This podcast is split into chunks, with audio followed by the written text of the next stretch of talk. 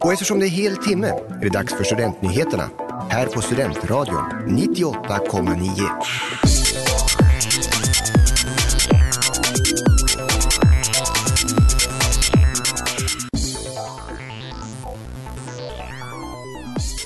Resultat från granskning av universitetets kvalitetssäkring. Institutionen för neurovetenskap kan komma att avvecklas och flygvapnet övar i Uppsala. Det här är veckans nyheter.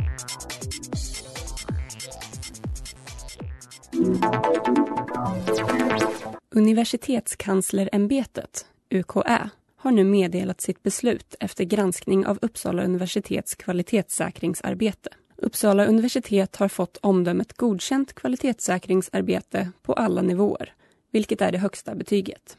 Det finns dock förbättringsområden.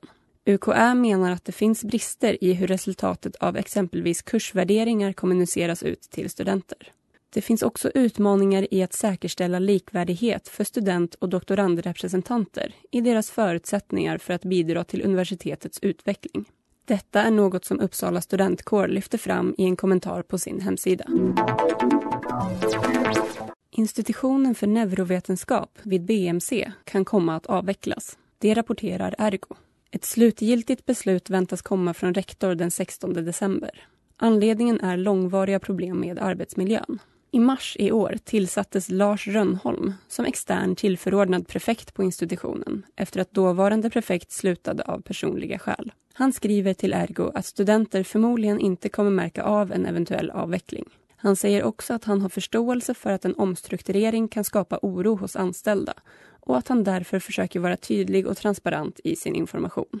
Forskargrupper och utbildningar kommer inte att splittras vid en eventuell strukturförändring utan kommer då att flyttas i sin helhet.